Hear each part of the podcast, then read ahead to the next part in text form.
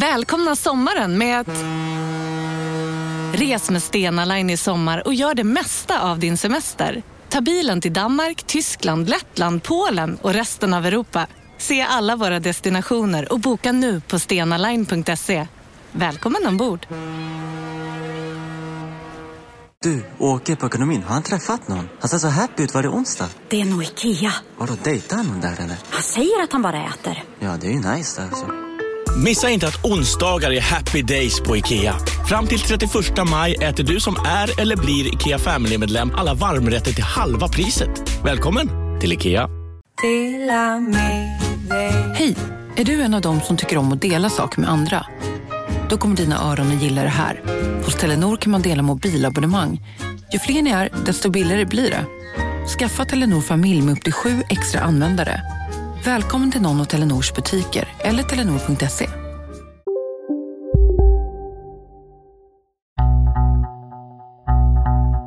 Kvällen den 3 augusti har polisen Fredrik kallats ut på ett larm i en sommarstuga utanför Arboga. Det är då jag ser den ja, fruktansvärda synen av en kvinna som är, håret är blodigt och tårna är blodig. Sitter ju helt naken i en fåtölj. Kvinnan, Johannas mamma, är allvarligt skadad men kommer ha tur och överleva mordförsöket. Då frågar hon, är han död? Är min man död? Ja, tyvärr det är han. Strax därefter blir Johanna Möller förhörd för första gången. Eh, Då vände Johanna sig mot mig och sa alltså, är jag alltså en bra skådespelerska så spelar jag bra och torkade av tårarna och skrattar. Det har hittills inte riktats några misstankar mot Johanna och hon ska göra allt i sin makt för att undgå rättsväsendet. Jag heter Karl Fridsjö. Det här är en mörk historia om Arboga kvinnan. Del 4. Du håller på att sjabbla till det.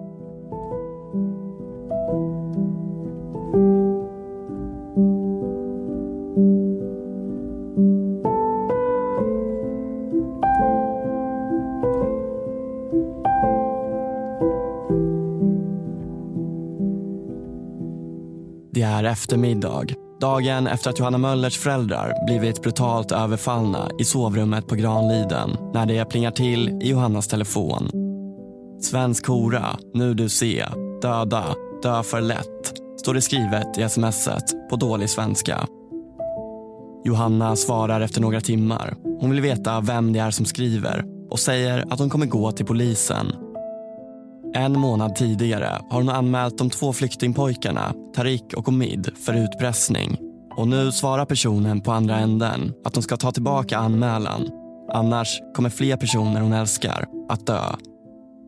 Kontantkortet som hoten kommer ifrån laddas med pengar samma dag som smsen skickas. Senaste gången det kortet fylldes på var den 14 juli.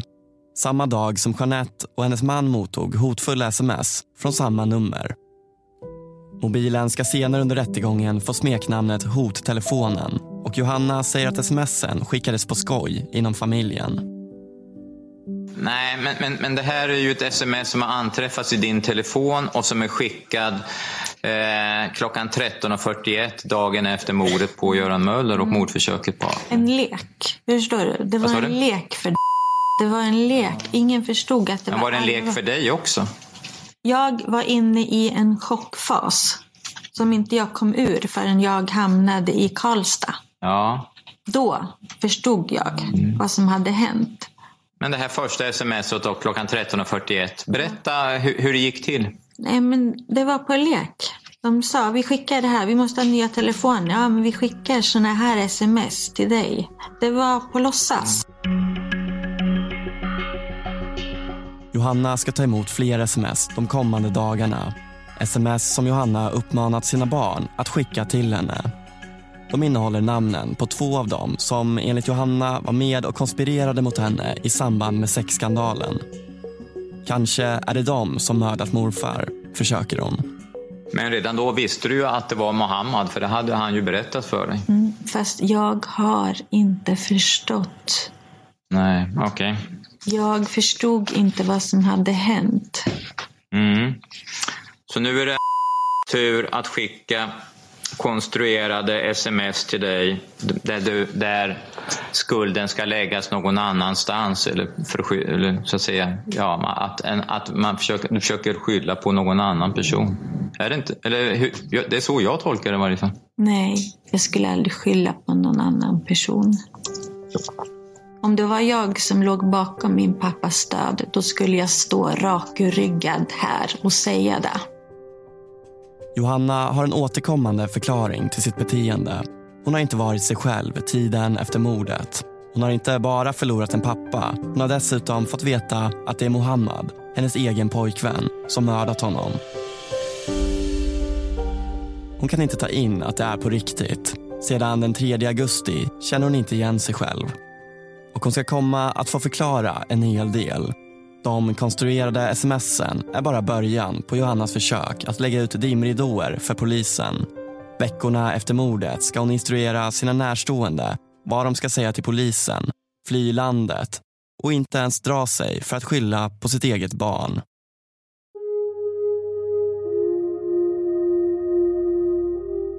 Det var fruktansvärt för att jag visste ju inte om det var någon som visste vad som hade hänt. Medan Johanna tar emot sms från hottelefonen ligger hennes mamma på intensivvårdsavdelningen och har genomgått omfattande operationer. Klockan fyra på morgonen fick hon chockad veta att hon var anhållen misstänkt för mordet på sin man. Nu övervakas hon av polis och har ännu inte fått prata med någon av sina anhöriga. Jag fick ju inte ta kontakt med någon och jag skulle ha främmande på Granliden dagen efter och jag tänkte de kommer ju att komma dit och då ser de allt det här och jag är inte där och ingen vet vad jag är. Och eh, de vaktar mig där som att jag skulle vara den största boven i universum. Och jag tjatar på dem att ni måste ringa till ni måste tala om var jag är någonstans. Men nej, du får inte det, sa de, för du är misstänkt.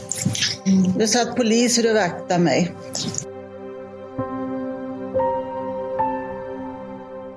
Klockan tio över tio, morgonen efter, hålls ett första riktigt förhör med Johannas mamma. Då kom det två poliser och skulle förhöra mig. Och det var, jag hade morfindropp, jag hade penicillindropp, jag hade Alvedondropp, jag hade vätskedropp. Mamman berättar om kvällen, om slaget mot höger käke som väckte henne. Hur hon ligger avsvimmad i sängen innan hon blodig vaknar och lyckas ta sig ner för trappan för att ringa SOS Alarm. I slutet av förhöret nämner hon sexskandalen med flyktingpojkarna. Hur de en tid efter blev överfallna och misshandlade i en lägenhet i Eskilstuna. Kanske är det samma personer som gjort det här mot henne och Göran. Jag var så stinn utav morfin så jag visste egentligen inte vad jag var. Men jag skötte mig tydligen rätt så bra under det här förhöret för att jag blev frisläppt från, från misstanken om att vara mörderska. Misstankarna mot mamman avskrivs kort efter förhöret och ganska snart börjar polisens blickar istället riktas mot dottern och hennes pojkvän.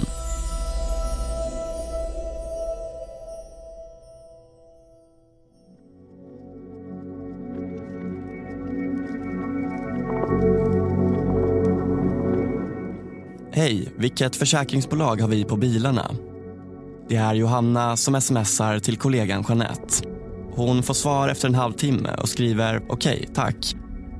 Ett till synes oskyldigt sms-utbyte mellan två kollegor. Men Mohammad kommer senare i förhör berätta hur Johanna säger åt honom att förstöra firmabilen som de använde under mordkvällen. Det är inte så Johanna minns det. Det var ingen uppmaning. Enligt henne fördes den här diskussionen på ett mer hypotetiskt plan. Jag har sagt till Mohammed, om jag hade begått ett sånt brott, då hade jag förstört Toranen. Men som sagt var så förstår inte Mohammed så bra svenska. Svaret är nej. Du har inte sagt till Mohammed att han ska förstöra Toranen? Nej. Mohammad berättar hur han dagarna efter mordet ångrar sig. Han känner ett behov av att prata med sina vänner men kan inte förmå sig att berätta vad han gjort. Han är arg på Johanna för vad hon fått honom att göra. Vid ett tillfälle, berättar han, står han till och med vid Johannas säng och överväger att döda henne också. موقعی که قتل انجام شد بعد از قتل چند روز بعدش efter att mordet eh, utfördes några dagar senare försökte jag göra det här, på det här sättet. Jag var tveksam. För att jag kunde ju inte lägga hela ansvaret på henne. Och därför ångrade jag mig. Och tänkte, det var ju egentligen det mest mitt eget fel för att det är jag som har varit alltså dum.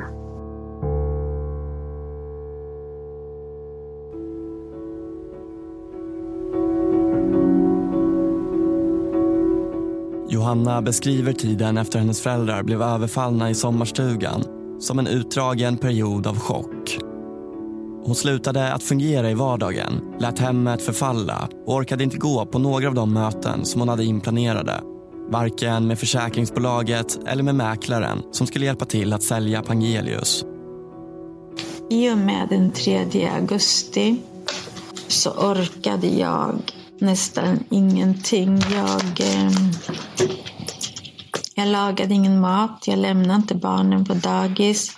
Jag jobbade inte, jag drack massor med alkohol. Så jag lagade ingen mat. Jag, eh, jag och min pappa skulle ha gått på ett möte med If. Eh, Jag orkade varken gå på mötet med If eller gå till företagsmäklaren. Vi skulle skriva papper. Så mycket betyder pengar för mig. Alltså noll. Har jag pengar så hjälper jag de som inte har pengar. Jag sparar inte mina pengar på hög för jag tänker att nästa gång kanske det är jag som behöver hjälp. Det är inte så många som är som jag. De flesta sparar sina pengar på banken och bygger på hög.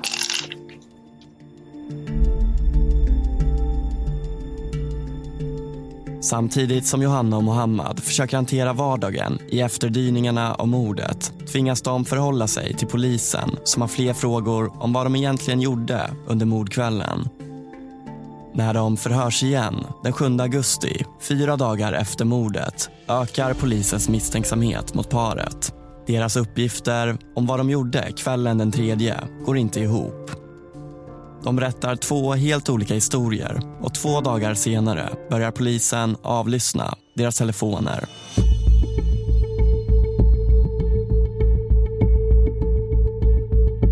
Vart är jobbbilen? Det är Johanna som smsar kollegan Jeanette igen. Det har gått en och en halv vecka sedan Göran mördades och den rostbruna Toranen är borta. Jeanette svarar att polisen varit och hämtat den. Gud vad skumt, svarar Johanna. Tre timmar senare sitter hon och Mohammad med tvillingarna i en bil på E20 på väg mot Stockholm. Ni åker till Stockholm tre timmar efter det första smset. Du och Mohammad och tvillingarna. Mhm. Kommer du inte ihåg det? Nej, jag kan inte datum. Perioden tredje, perioden 4 augusti fram till 16 december, den kommer jag knappt inte ihåg alls. När Johanna får veta att bilen är beslagtagen har den redan varit hos polisen i tre dagar. Vid det främre passagerarsätet har teknikerna hittat blod och deras undersökningar visar att det tillhör Göran. Åker du till Stockholm på kvällen för att du förstår att Toranen nu är anträffad och att man kommer att hitta blod i den ifrån din pappa? Nej, då hade jag väl tagit Toranen innan och kört den till en bilrekond och lämnat in den för att ta bort alla spår i sådana fall. Mm. Svårare än så är det ju inte. Men jag har sagt till Mohammed att om jag skulle ha begått ett brott, för det första skulle jag inte åka på ljusa kvällen i en stor ögonfallande minibuss. Och hade jag mött min granne så hade jag definitivt vänt. Under bilfärden till Stockholm så fortsätter polisen bedriva sitt spaningsarbete. Johanna uppger att hon hyrt ett hus i Thailand så att hon och familjen ska kunna komma iväg på en lång och avslappnande semester. Men innan flyget går ska Johanna och Mohammad tillbringa två dagar i Stockholmstrakten. För att vi ville ha lite mysigt innan jag skulle åka iväg i två månader. Under de två dagar som Johanna beskriver som ett mysigt avsked mellan henne och Mohammad före semestern ska de även hinna uträtta en hel del ärenden. De besöker bland annat afghanska ambassaden för att försöka få ett pass till Mohammad och i en elektronikbutik inhandlas två nya telefoner. Mitt under vistelsen byter de dessutom hotell. Varför då?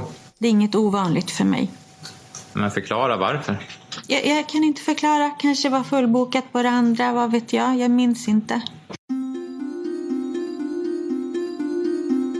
Den 16 augusti skjutsar Mohammad Johanna och tvillingarna mot Arlanda. Det de inte vet är att polisen inte har för avsikt att låta Johanna lämna landet. När hon anlänt till flygplatsen grips hon på plats. Kort därefter stoppas även Mohammad som hunnit lämna flygplatsen av en polisbil i höjd med Knivsta. De förs till Västerås där de under fyra dagar kommer sitta häktade och förhöras. I samband med detta förhörs även Johannas minderårige son efter att båda föräldrarna gett sitt samtycke till det och han kan då ge sin mamma ett alibi. Han uppger att han och Johanna, samma kväll som mordet skedde suttit i soffan och spelat spel fram till 23.30 då de gick och la sig. Men samtidigt kan polisen i sin telefonanalys se att Johanna har två missade samtal från sonen klockan 21.22 och 22.50. I förhör uppger sonen att han ringde sin mamma för att han var mörkrädd. Johanna ger en liknande förklaring. Åklagaren läser upp vad hon sagt. Möller informerades om att hon i tidigare förhör uppgett att sonen var ute och lekte en stund på kvällen. Möller svarade då, ja honom har jag säkert smsat eller ringt att han ska hem. Hon sa vidare, sen har han säkert ringt mig eller smsat mig när, när jag har gått och lagt mig. Han vill komma och ligga i min säng men det får han inte så jag svarar inte.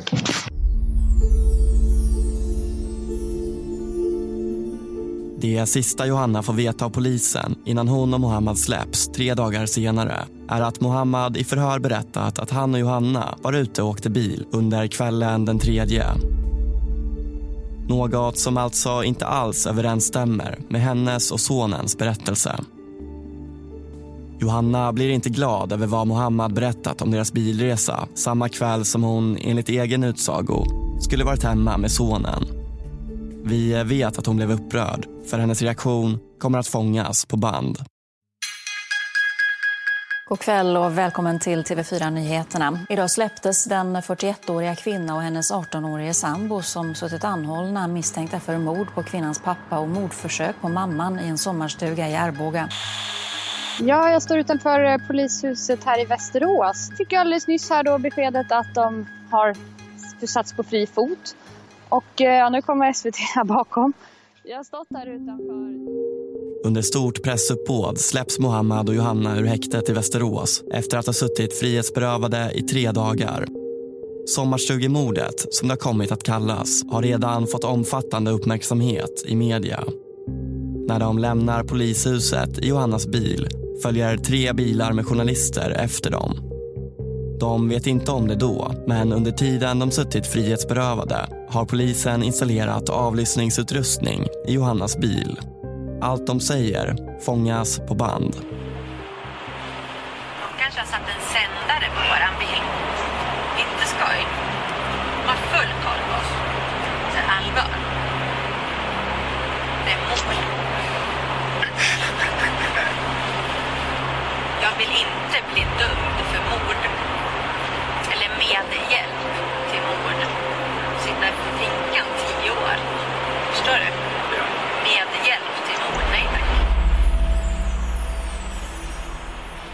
En polis som också följer efter Johanna och Mohammad beskriver i sin spaningsrapport hur Johanna och Mohammad sen kör citat fram och tillbaka i Västerås på vägar som är helt orimliga att ta om man har tänkt att ta sig från A till B. Det är uppenbart för oss att syftet är att skaka av sig eventuellt förföljande fordon. När vi sätter oss i bilen så ska vi leta reda på ett eh, Nordea-kontor. Men eh, vi hittar inget så vi åker runt, runt överallt och letar. Polisen som följde efter oss trodde att vi försökte finta honom har jag läst i hans avrapportering. Men vi letade efter ett Nordea-kontor som man hör i avlyssningen. Och det första Johanna säger är mycket riktigt Nordea. Vi måste ha pengar. Men ganska snart kommer hon istället in på Mohammads polisförhör och hans uppgifter om att hon varit ute och kört bil. Hon är arg på Mohammad. Du, håller- du håller på att sjabbla till det. Ja. Rejält, ska jag säga. Som om de frågar nu varför du sa en massa konstiga saker. Att du åkte bil med mig på onsdagen och hej, då säger du så nej jag måste ha tagit fel dag förstår inte svenska. Hela tiden letar de efter ett Nordea-kontor som de vet ska ligga vid ett sjukhus. Måste ha pengar, allt handlar om pengar, förklarar Johanna för Mohammad. Jag i Stockholm, Vi var på väg till Stockholm och eh, hela den dagen så pratade Johanna med mig om eh, den där händelsen. Att jag måste hålla käften, eh, stänga munnen, säga inte något till någon, inte lita på någon, inte ens lita på mina närmaste vänner eller min familj. Jag ska inte berätta för någon. Jag kommer hjälpa dig. Vi kommer skapa oss- oss ett bra liv tillsammans. Vi ska lämna landet tillsammans. Johanna understryker också att de måste lita på varandra. De får aldrig tvivla. Och även om polisen säger till Mohammad att hon skyller på honom så får han inte säga att det är han som är skyldig. Du ska inte säga någonting. Du ska vara tyst. Okej, kommer du ihåg i fortsättningen? Säga noll. Inget. Du säger ingenting. Okej? Is i magen. Du ska hålla käften, okej? Ja. Mm. Käften? Mm, du ska hålla käften, inte säga ett ord. Mm. Inget. Jag kommer inte ihåg, ska du säga. Minns inte. Okej? Ja. Du har inte mig. Ja, för du håller på så här. Under bilfärden kommer de också in på att polisen tagit hårprover från dem för att utföra DNA-test.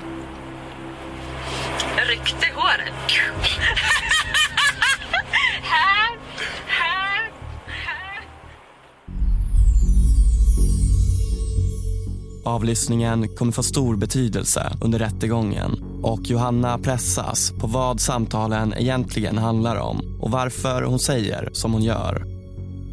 Men du har ju suttit frihetsberövad eh, som oskyldig enligt vad du själv säger. Eller hur? Du har ju suttit anhållen tre, tre nätter Mm. eh, trots att du är oskyldig enligt din egen upp, uppfattning. Ja. Mm. Det finns ingenstans i hela avlyssningen där du så att säga, kommenterar det förhållandet att du suttit oskyldigt anhållen. Nej. Vad säger du om det? Ja, vad ska jag säga om det? Ja, vad kände du om det? Att du suttit inspärrad tre nätter? Om en yogamatta är på väg till dig, som gör att du för första gången hittar ditt inre lugn och gör dig befordrad på jobbet men du tackar nej för du drivs inte längre av prestation. Då finns det flera smarta sätt att beställa hem din yogamatta på. Som till våra paketboxar till exempel. Hälsningar Postnord. Demideck presenterar Fasadcharader. Dörrklockan. Du ska gå in där. Polis? Effektar? Nej, tennis tror jag. Pingvin. Alltså jag fattar inte att ni inte ser. Va? Nymålat! Men det var många år sedan vi målade. Demideckare målar gärna, men inte så ofta. Hej, Susanne Axel här. När du gör som jag och listar dig på en av Krys vårdcentraler får du en fast läkarkontakt som kan din sjukdomshistoria.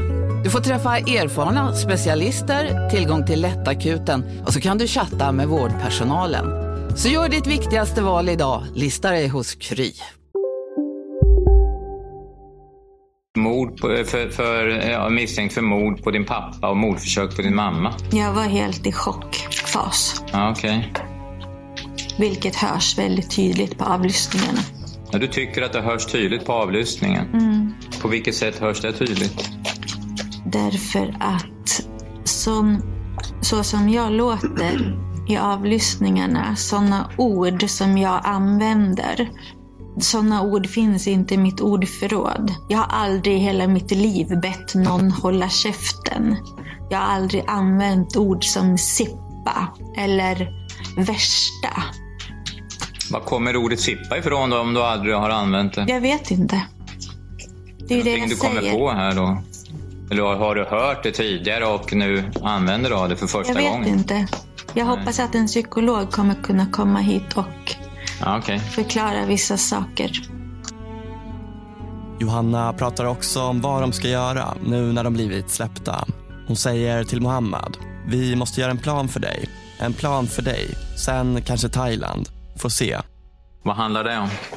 Jag sa till Mohammed att eh, han, eh, att jag åker till Thailand och då kommer polisen tro att det är jag som är den skyldiga. Så att de skulle sluta rikta blicken på Mohammed. Mm. Och vad var det för plan då? Var det någon plan? Nej, det var att vi skulle ses när jag kom tillbaka och Mohammed skulle åka upp till Östersund till en kompis. Under bilresan pratar Johanna och Mohammad om vart de ska åka och vilket hotell de ska bo på. Det behövs en väldigt bra plan, konstaterar Johanna. Sidan 32 också. Du säger så här på mitten. Måste göra en väldigt bra plan. Mm. Och så skrattar du och så säger Oh my god, värsta kriminella. Mm. Det du läser upp, Ja, det är en person i chockfas. ja okej. Det är Så det är förklaringen till att du säger värsta kriminella? Ja. Det är exakt hur en person i chock agerar. Ja, okej. Vi måste neka, förstår du? Så fort vi har gift oss då kan vi dra utomlands, förstår du? Ja. Oh my god. Värsta kriminella liksom.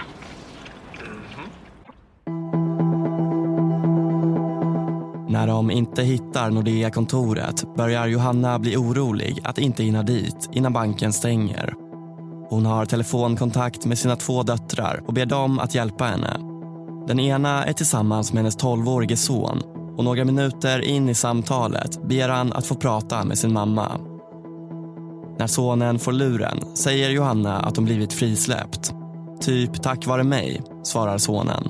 Ja, men jättebra, säger Johanna och påminner honom om att telefonen förmodligen är avlyssnad. När Mohammad och Johanna efter någon timme stannar till vid Ekholms krog, en rastplats mellan Enköping och Bålsta, ska de fångas på ytterligare ett band. Ur en av bilarna som följt efter dem från Västerås kliver en journalist från Aftonbladet ut med sin kameraman. Hon lyckas få en intervju med Johanna när hon sitter och fikar på en bänk tillsammans med Mohammad. Vad har de haft för bevis? Inga, Vad- vad inga. som- Har. Spekulationer. Hur, hur mår du efter det här som hände med din pappa? Jag vill ha honom. Inte så bra.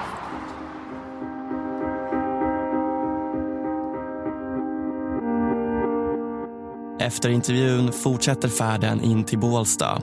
Polisen som har span på dem beskriver hur de även här tycks försöka skaka av sig eventuella efterföljare.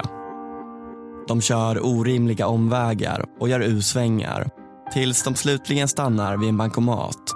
De tar ut några tusen lappar och står en stund och diskuterar. Stämningen mellan dem är enligt polisen irriterad och de ser ut att bråka.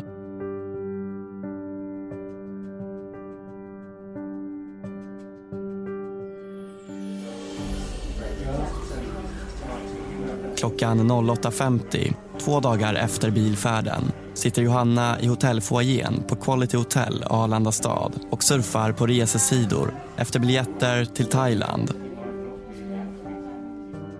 Det är det andra hotellet de bor på inom loppet av två dagar. Då låter det väl ganska rimligt att vi bytte eftersom det var nära Arlanda, tänker jag. Och varför tog ni inte det hotellet först då? Jag vet faktiskt inte. Är det att försvåra polisens spaningsarbete som, du, som ni väljer att byta hotell? Nej. Johanna och Mohammad har återförenats med tvillingarna och har, precis som förra gången de tog sig till Arlanda, införskaffat nya telefoner.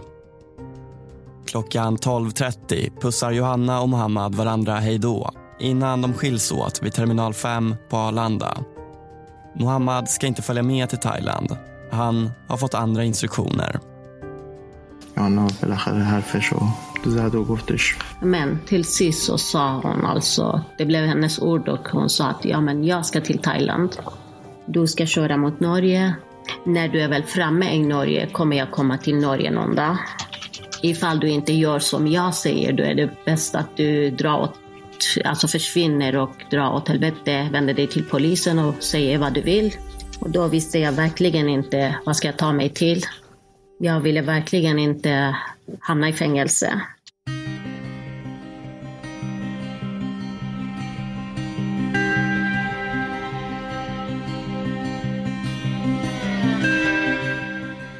Samtidigt som Johanna semestrar i Thailand har Mohammad tagit sig till Norge via Östersund men blivit stoppad när han kommit över gränsen.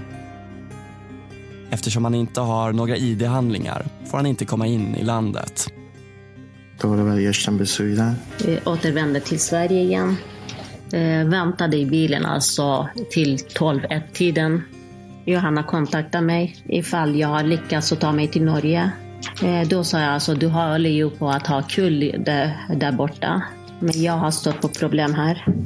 Jag har varken pass eller körkort eller andra ID-handlingar. Jag kan inte ta mig in i Norge en, så enkelt. Det är bäst att du återvänder till Sverige för att jag ska vända mig till, till polisen.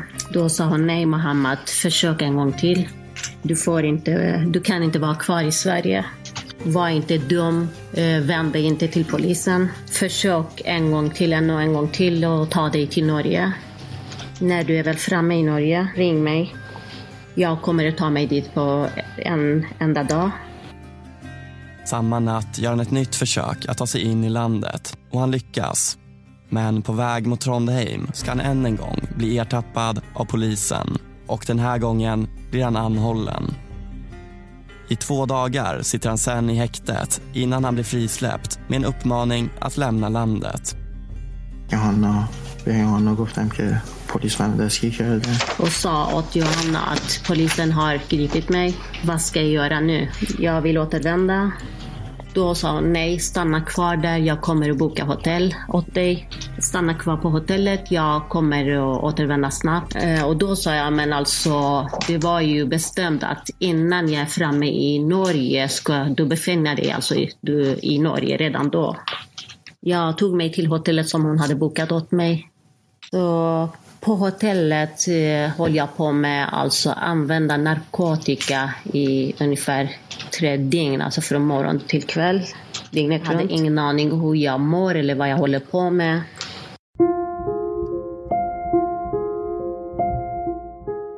Mohammad beskriver hur han mår katastrofalt under tiden i Norge när han väntar på att återförenas med Johanna. Han ringer flera av sina vänner och försöker prata om vad som hänt. Mohammad berättar hur dåligt han mår, att han ångrar sig. I ett samtal nämner han en kvinna som då befinner sig i Thailand som han knivhuggit två personer åt. Han förklarar för sin vän. Det är på grund av detta som jag mår dåligt och inte på grund av någonting annat. Jag ville inte att han skulle dö. Han fortsätter. Jag slog bara till honom och ville inte att det skulle bli så här. Men nu blev det så. Vad ska jag göra? Jag känner mig som en åsna som bara driver runt. Jag är så ledsen. Jag har lust att ta mitt liv i detta ögonblick, men jag kan inte. När jag försöker ta mitt liv så skakar hela jag. Men han klarar inte av att vara lika öppenhjärtig mot alla han pratar med. I ett samtal hittar han på att hans samvetskval kommer sig av att han knivhuggit någon under ett bråk efter att ha blivit överfallen. نمیتونستم حرف اصلی رو بهت کسی Alltså jag kunde ju inte berätta alltså sanningen för personen som jag var vän med. Mådde dåligt. Jag alltså prata om allt möjligt, alltså pratade runt. Alltså ville bara lätta på hjärtat på något sätt. Så vad var det du pratade om då? Min vän alltså var misstänksam och sa att Mohammed, du är ju förändrad. När du var här så var du rädd, alltså man kunde se rädslan i dina ögon. Och då berättade jag alltså, men det har varit bråk och eh, under eh, loppet av det här bråket så var det någon som har attackerat mig med en kniv. Och när Eh. personen kommer mot mig, alltså för att jag ska kunna försvara mig i försvar. Jo, jag försvarar mig på det sättet alltså att under tumulten träffar den här personen i bröstet av kniven och, och jag tror att personen i frågan har avlidit. Det var så jag diskuterade.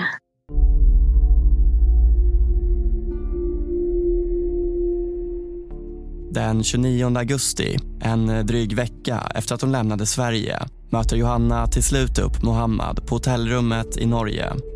Norska polisen har tagit över spaningsarbetet och rummet är avlyssnat.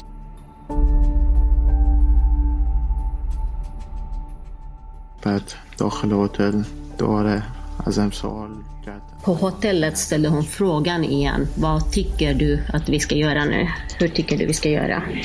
Och då sa jag åt henne, du har ju planerat det hela, alltså du har ju planerat allt och du tycker att du är liksom jätteviktig, jättestor. Då får du alltså planera resten. Jag har ingen aning vad vi ska göra, hur vi ska göra. Heroin brukar sa hon åt mig att jag ska skaffa heroin, köpa heroin och alltså röka heroin och ta över överdos och göra slut på det hela. Och då kommer jag liksom alltså slippa dig typ. Samtidigt, hemma i Sverige, har Akis drunkning åter blivit aktuell för polisen. Det har gått drygt ett år sedan Aki dog och efter att tidigare ha lagt ner förundersökningen börjar man nu se anledning att se över den igen. Vi hör Akis mamma genom tolk. Så småningom så fick ni ju gehör kan man säga. Utredningen tog en vändning. Hur, hur länge hade ni då levt i, i den här motvinden mot utredningen? Ja, först efter när Möllers öde blev känd, då fick vi höra att nu är vi beredda att utreda på nytt det här ärendet också. Det var ett år ungefär. Och hur, hur kändes det då för er när man började titta på Akis drunkning igen? Det var lika mycket chocktillstånd som det var när vi fick höra att Aki har drunknat. Försäkringsbolaget If har legat på polisen om att utreda fallet ordentligt eftersom de i sin egen utredning hittat tecken på att ett brott begåtts. Vid den första överklagan fick de avslag men nu, den 29 augusti, i kölvattnet av överfallet mot Johannas föräldrar beslutas att förundersökningen ska tas upp på nytt. Samtidigt befinner sig Johanna och Mohammad i det avlyssnade hotellrummet i Trondheim. De pratar om vad de ska göra härnäst och Johanna kommer med förslag om vad Mohammad ska säga till polisen. Och sen kan man ju hoppa till avlyssningen på sidan 132. Eh, och då, då är du inne och du pratar, det är väl i hotellrummet. Eh, då säger du fjärde raden ovanifrån. Du, om polisen frågar om vi har sovit över på landet i sommar, en säng. Så säger du längre ner, så har vi det. Okej, du och jag har sovit på landet. Eh, och så kommer det in det här med, med håren. Eh, vad handlar det här om då? Jag vet inte riktigt. Jag minns inte det här samtalet. Ja, men vad handlar det om? Jag Det, det, det är någonting om hår och att säga att man har legat i, i sängen i Granliden. jag tror att jag kan ha förklarat för Mohammed hur DNA funkar. Ja, men vad går det ut på då? Att man kan se det. Alltså att man kan mäta DNA utifrån hår och saliv och ja, blod. Hade ni sovit i sängen vid Granliden? Nej, Nej. Varför skulle Mohammed säga att ni hade sovit i sängen i Granliden? eh, jag vet inte. Jag, jag minns inte alls det här.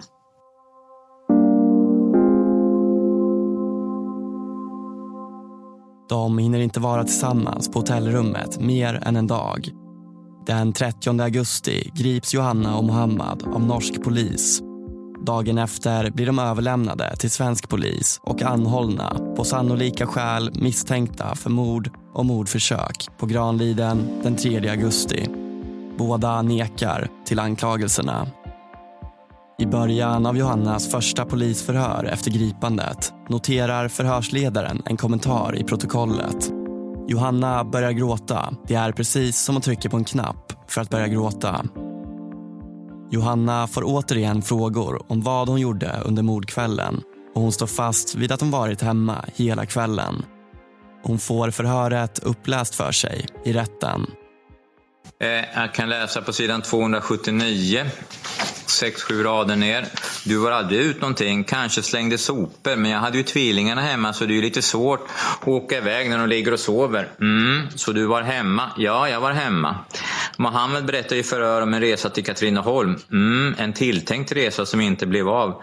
Mohammed säger att ni skulle åka till Katrineholm. Ja, det blev inte så. Mm, men ja, du, du tillät inte det tydligen. Nej, men ni åker iväg i alla fall. Nej, det gör vi inte heller. Det gör ni inte. Nej. Han säger i alla fall att ni åkte iväg tillsammans mot Katrineholm. Nej, men det är fel. Det är helt fel, säger du.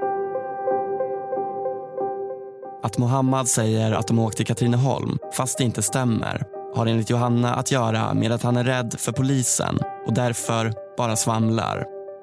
I sitt första förhör får Mohammad veta av polisen att de hittat hans DNA under Görans naglar.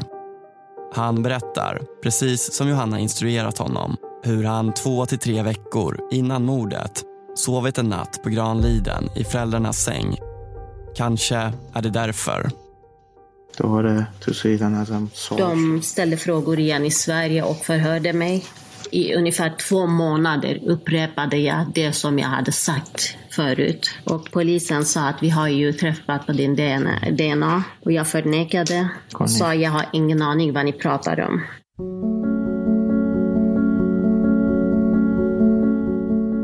Johanna ska inte nöja sig med att bara hävda sin oskuld hon vill också hjälpa polisen att hitta den eller de som är skyldiga till överfallet på hennes föräldrar. Två dagar efter gripandet lämnar hon i samband med ett förhör över två av fyra ark till polisen. Det är två mindmaps. I mittenbubblorna står två namn. Ett av dem tillhör hennes äldste son. Och från dem har Johanna dragit streck till personlighetsdrag, tänkbara motiv och annat som talar för att de är gärningsmännen. Johanna ska komma att rikta misstankarna mot fler i sin närhet under utredningens gång men menar att det bara är rena gissningar. Är, är det bara spekulationer från din sida? Jag har ju inga bevis. Nej, du har inga bevis alls. Nej. Nej. Liksom ni inte har några Men bevis. va- varför sätter du igång och spekulerar om, om vem, vem som är gärningsman? Varför Det gör är du väl det? ganska naturligt att man gör det. Och lägger skulden på dina närmaste trots att du inte har några bevis? Nej, jag la ihop saker och tänkte att det måste vara på det viset. Du har aldrig andats att det skulle kunna vara någon helt främmande utomstående person eller att det är någon annan utan det är dina, dina, dina nära. Som det, det är din son, din svärson, din sambo och så va. Och sambons kompis som, som du säger är inblandade här. Ja. Helt utan bevis. Ja.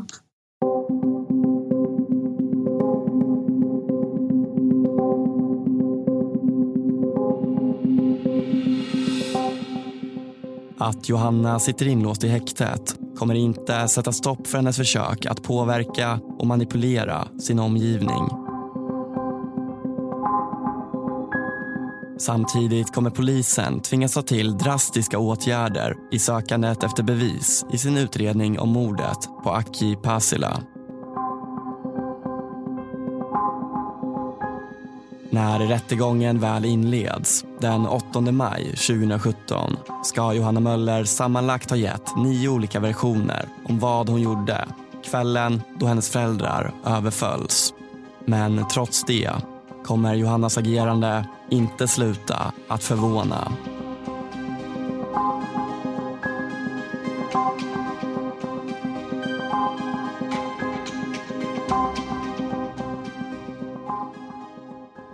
Har lyssnat på del 4 av En mörk historia om Arboga kvinnan.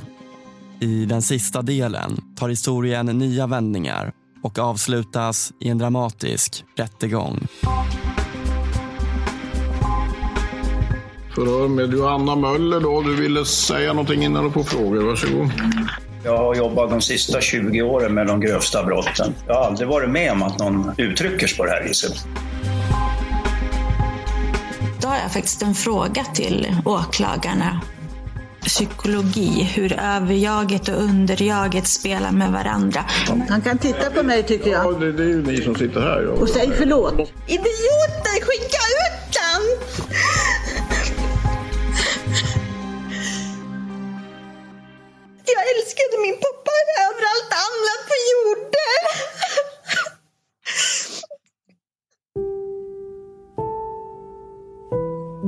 En mörk historia är producerat av mig, Karl Fridsjö och Joel Silberstein Hont. Om du gillar podden så blir vi otroligt glada ifall du vill lämna en recension på iTunes via din podcastapp. Vill du hålla dig uppdaterad om kommande avsnitt så kan du antingen prenumerera eller följa oss i sociala medier. Musiken kommer från Epidemic Sound med undantag för vissa pianostycken som är komponerade av Ola Claesson och den inledande temamusiken som är skriven av Elliot Elliot. Mer av deras musik finns på Spotify. Tack för att du lyssnat.